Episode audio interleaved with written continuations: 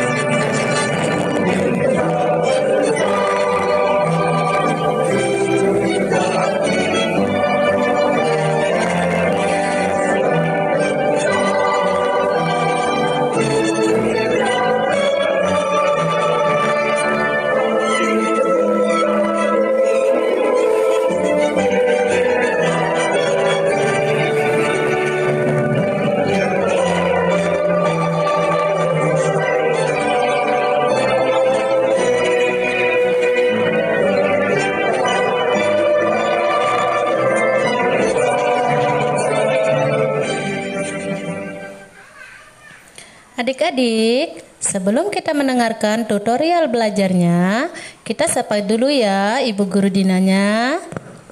Halo Ibu Guru Dina, gimana kabarnya Bu?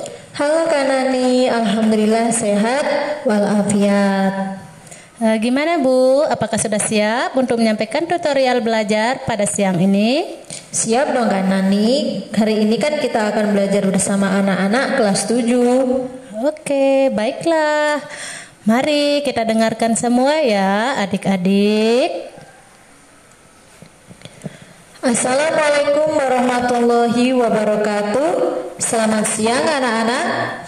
Kembali lagi dengan saya Ibu Dina di frekuensi 107.7 MHz Radio Sekolah Perempuan Darurat Siaga COVID-19 Nina Bayan FM.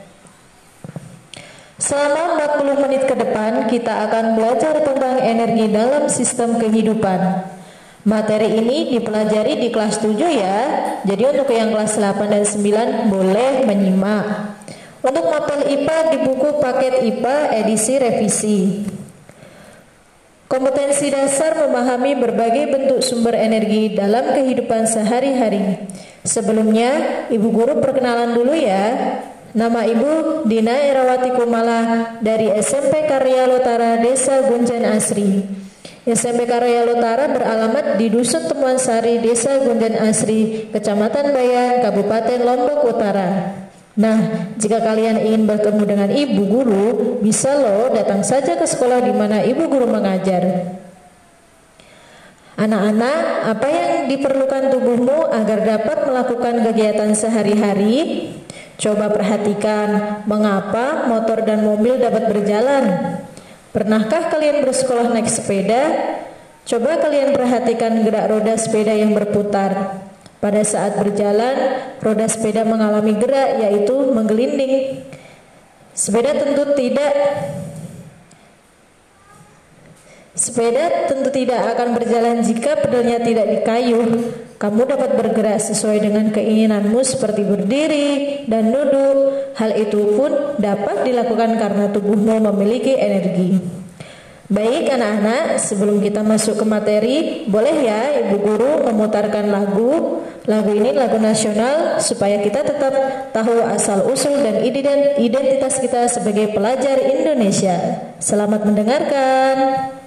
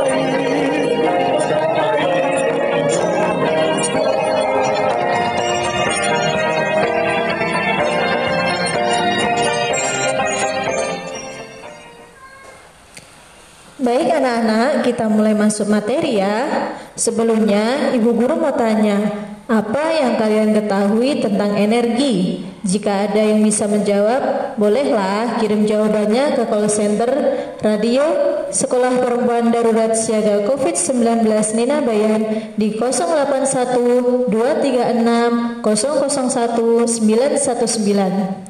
Ibu guru ulangi ya.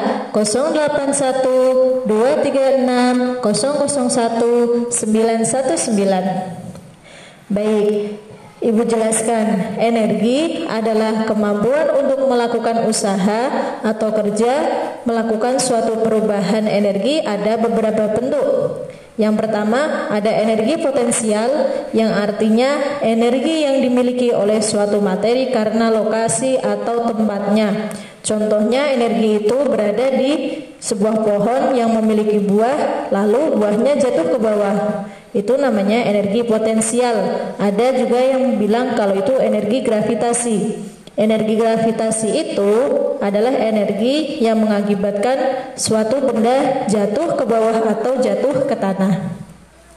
Selanjutnya ada energi kinetik adalah bentuk energi ketika suatu materi berpindah atau bergerak Contohnya, kalau kalian naik sepeda motor dari tempat satu ke tempat yang lain itu memerlukan energi kinetik. Selanjutnya yang nomor tiga yaitu energi kimia adalah energi yang terkandung dalam suatu zat. Energi ini terdapat pada makanan kita. Contohnya ada nasi. Nasi itu sebenarnya ada zat kimia di dalamnya, tapi tidak berbahaya ya teman-teman anak-anak. Yang terakhir yaitu energi listrik adalah energi yang memiliki muatan listrik dan arus listrik. Energi ini paling banyak digunakan karena mudah diubah menjadi energi yang lainnya. Contohnya dari e, setrika. Setrika itu dari energi listrik menjadi energi panas. Terus ada lagi e, radio dari energi listrik menjadi energi suara. Energi dibedakan menjadi energi terbarukan atau energi yang tidak dapat diperbarui dan energi yang tak terbarukan atau energi yang terbatas jumlahnya dan tidak dapat diperbarui. Energi terbarukan tidak akan habis meskipun digunakan secara terus-menerus, sedangkan energi tak terbarukan akan habis jika digunakan secara terus-menerus. Untuk itu, manusia mengantisipasi kelangkaan sumber energi tak terbarukan dengan mengembangkan energi alternatif. Contoh energi tak terbarukan adalah energi minyak bumi atau bahan bakar fosil. tidak dapat diperbarui dan jumlahnya terbatas karena berasal dari tumbuhan dan hewan yang telah mati jutaan tahun yang lalu. Jadi, jika kita mencari energi minyak bumi dan bahan bakar kalau sudah habis kita harus menunggu jutaan tahun yang akan datang. Pasti akan lama kan? Dan pasti kita tidak tahu bumi akan menjadi seperti apa jutaan tahun ke depan. Ada juga energi nuklir. Adik-adik anak-anak pernah nggak mendengar energi nuklir Energi nuklir adalah energi potensial yang terdapat pada partikel di dalam nukleus atom. Nuklir ini biasanya terdapat pada komposisi uh, benda berbahaya yang namanya bom. Jadi energi nuklir ini tidak untuk dibuat mainan ya anak-anak karena sangat berbahaya.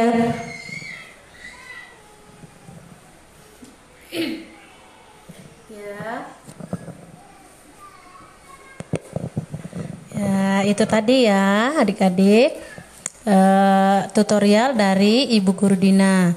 Nah, selanjutnya sebelum kita dengarkan lagi, alangkah baiknya kita mendengarkan uh, beberapa lagu. Satu lagu uh, yaitu lagu wajib nasional.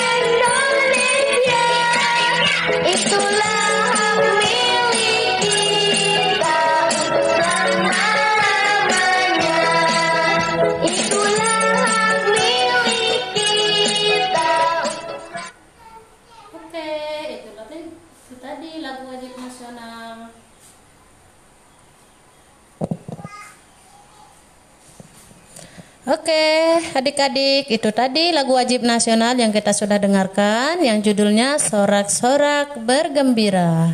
Nah, kita lanjut lagi ya, Ibu Guru Dina. Baik, Kanani, terima kasih.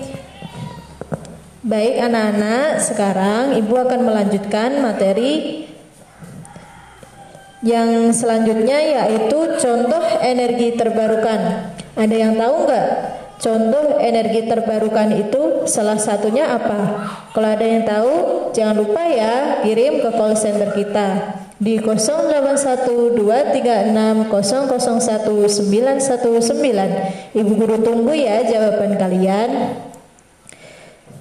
Contoh energi terbarukan yang pertama yaitu ada kincir angin. Ada yang pernah lihat kincir angin? Atau ada yang pernah lihat baling-baling bambu di filmnya Doraemon itu? Pasti nggak asing kan? Kincir angin itu adalah suatu alat yang digunakan untuk memutar atau mengubah energi angin menjadi energi listrik. Sumber yang harus kita cari yaitu hanya membutuhkan angin saja. Contohnya seperti hari ini, angin sangat kencang sekali pada hari ini. Bisa kita gunakan kalau kita tahu cara memanfaatkan angin, bisa kita untuk cara pembangkit listrik. Dan angin juga dapat menghemat listrik karena pemakaiannya yang tidak terlalu berlebihan. Selanjutnya ada solar sunflower. Sumber dari solar sunflower ini adalah energi matahari. Kegunaannya untuk menghasilkan listrik dan air panas. Yang ketiga ada kincir air. Kalau tadi kincir angin yang yang sumbernya dari angin, kalau sekarang kita membutuhkan kincir air. Kincir air ini tentu sumbernya dari air ya, anak-anak. Kegunaannya untuk menghasilkan listrik juga. Jadi kalau kalian tidak mau tidak boros menggunakan listrik karena beberapa rumah kan ada yang pakai pulsa listrik pasti itu sangat boros kan? Kalian bisa memanfaatkan air dan angin sebagai penggantinya. Yang keempat ada Sigen Tidal Energy Turbin atau generator pembangkit listrik yang memakai tenaga pasang surut air laut Kebetulan sekali di daerah Sukadana ini kan kita dekat sekali dengan laut. Bisa kita memanfaatkan energi sigen tidal energi turbin ini menjadi energi listrik. Sumbernya cukup pasang surut air laut dan kegunaannya untuk menghasilkan listrik. Cuman energi tidal ini jarang sekali ada orang memakainya. Karena alatnya yang kalau di, bisa dibilang mahal dan Indonesia pun masih jarang memakai alat tidal ini. Yang selanjutnya ada solar cell. Pasti sudah tidak asing ya dengan, dengan bahasa solar cell atau sel surya. Sumbernya dari matahari, kegunaannya untuk menghasilkan listrik. Solar cell ini biasanya dipasang di atap-atap rumah atau di tiang-tiang lampu jalan untuk menerangi jalan. Solar cell ini juga uh, benda yang cukup efektif untuk menghemat pemakaian listrik. Yang selanjutnya ada geotermal atau panas bumi. Sumbernya dari panas bumi, kegunaannya untuk menghasilkan listrik.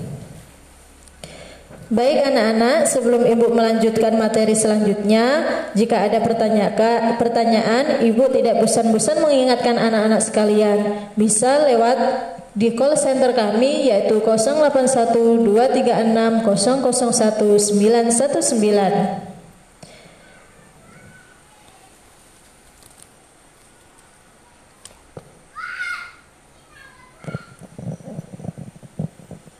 Oke, itu tadi tutorial belajar IPA di kelas SMP yang di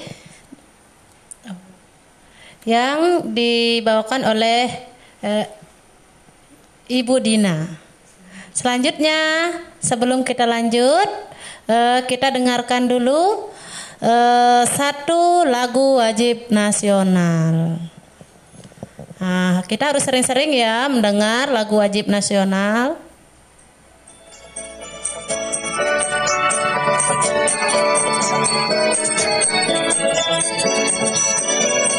Ya,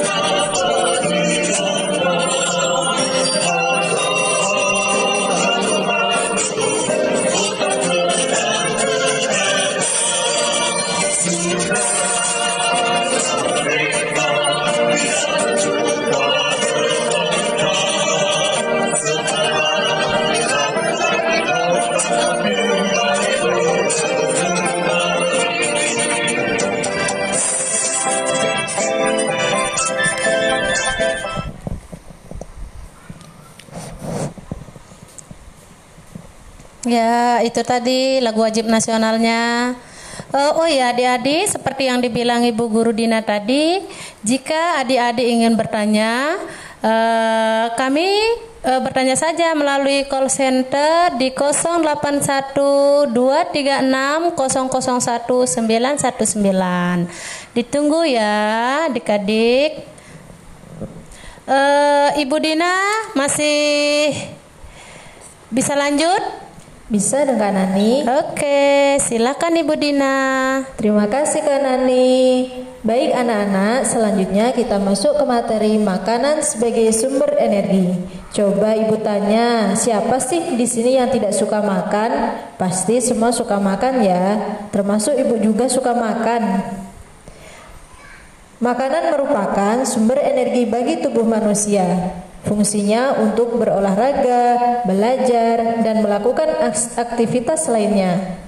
Kamu membutuhkan makanan sebagai sumber energi. Dengan sumber energi makanan yang baik dan cukup, kamu dapat melakukan aktivitas sehari-hari.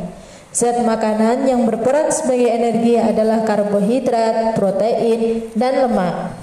Baik, untuk pertama kali kita akan bahas karbohidrat terlebih dahulu. Karbohidrat merupakan senyawa kimia yang tersusun atas unsur-unsur karbon. Bahan makanan yang banyak mengandung karbohidrat misalnya beras, jagung, kentang, gandum, umbi-umbian, dan buah-buahan yang rasanya manis. Karbohidrat berperan sebagai sumber energi. 1 gram karbohidrat setara dengan 4 kilokalori. Jadi kalau kalian tidak makan nasi tapi memakan ubi, sama saja karbohidratnya sama-sama mengandung energi juga. Misalnya kalau kalian tidak kebetulan di rumah tidak ada nasi, kalian bisa makan jagung, bisa makan ubi, bisa makan kentang karena kandungan karbohidratnya sama dengan sepiring nasi. Selanjutnya yaitu protein. Protein merupakan senyawa kimia yang mengandung unsur C, H, O, dan N. Kadang juga mengandung unsur P dan S. Bahan makanan yang mengandung banyak protein antara lain ada protein hewani. Contohnya daging, ikan, telur, susu, dan keju. Jadi protein hewani ini adalah protein yang berasal dari hewan ya anak-anak. Selanjutnya ada protein nabati. Misalnya kacang-kacangan, tahu, tempe, dan gandum. Kalau protein nabati ini biasanya berasal dari tumbuh-tumbuhan atau sayuran. Jadi kalau kalian ingin mengkonsumsi makanan harus seimbang yang terdiri dari protein hewani dan nabati. Misalkan makan daging sapi, terus ada temennya lagi pakai tempe atau tahu. Dan yang terakhir yaitu lemak. Lemak merupakan senyawa kimia yang mengandung unsur C, H, dan O. Peran lemak untuk menyediakan energi sebesar 9 kalori per gram atau melarutkan vitamin A, D, E, K dan menyediakan asam lemak esensial bagi tubuh. Bahan makanan yang mengandung banyak lemak antara lain Lemak hewani, contohnya ada keju, susu, daging, kuning telur, daging sapi, daging kambing, daging ayam, dan daging bebek.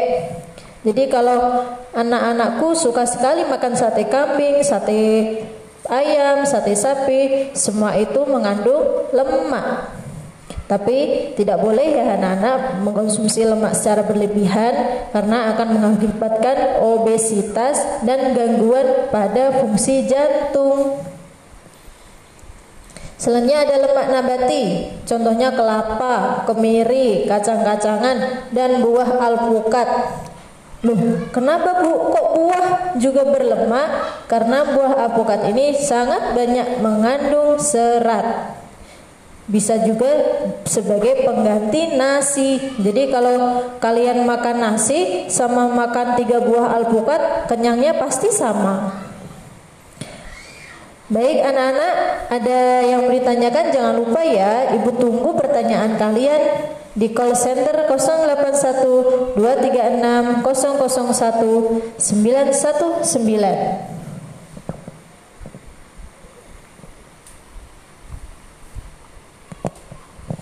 Ya, adik-adik, itu tadi uh, tutorial belajar IPA yang disampaikan oleh Ibu Guru Dina.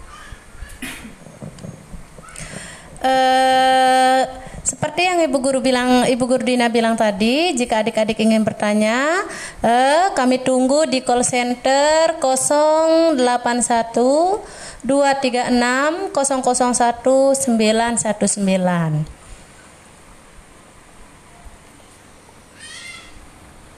Oh ya, sebelum sebelum kita tutup, kita dengarkan dulu. Kita dengarkan dulu satu lagu wajib nasional. Jangan bosan-bosan ya untuk mendengarkan lagu wajib nasional.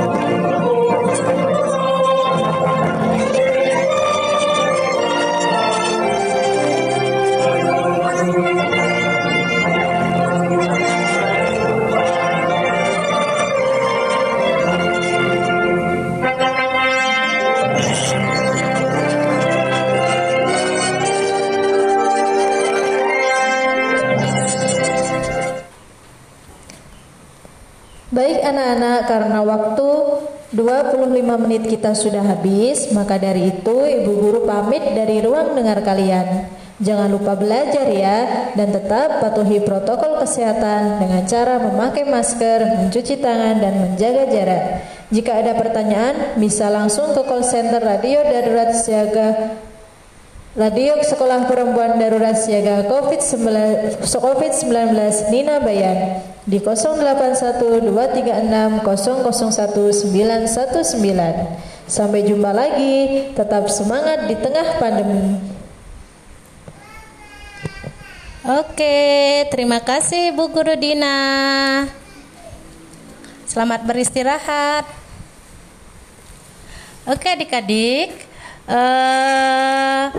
tutorial, tutorial belajarnya sudah kita tak terasa kita sudah uh, di akhir uh, tutorial belajarnya sudah selesai.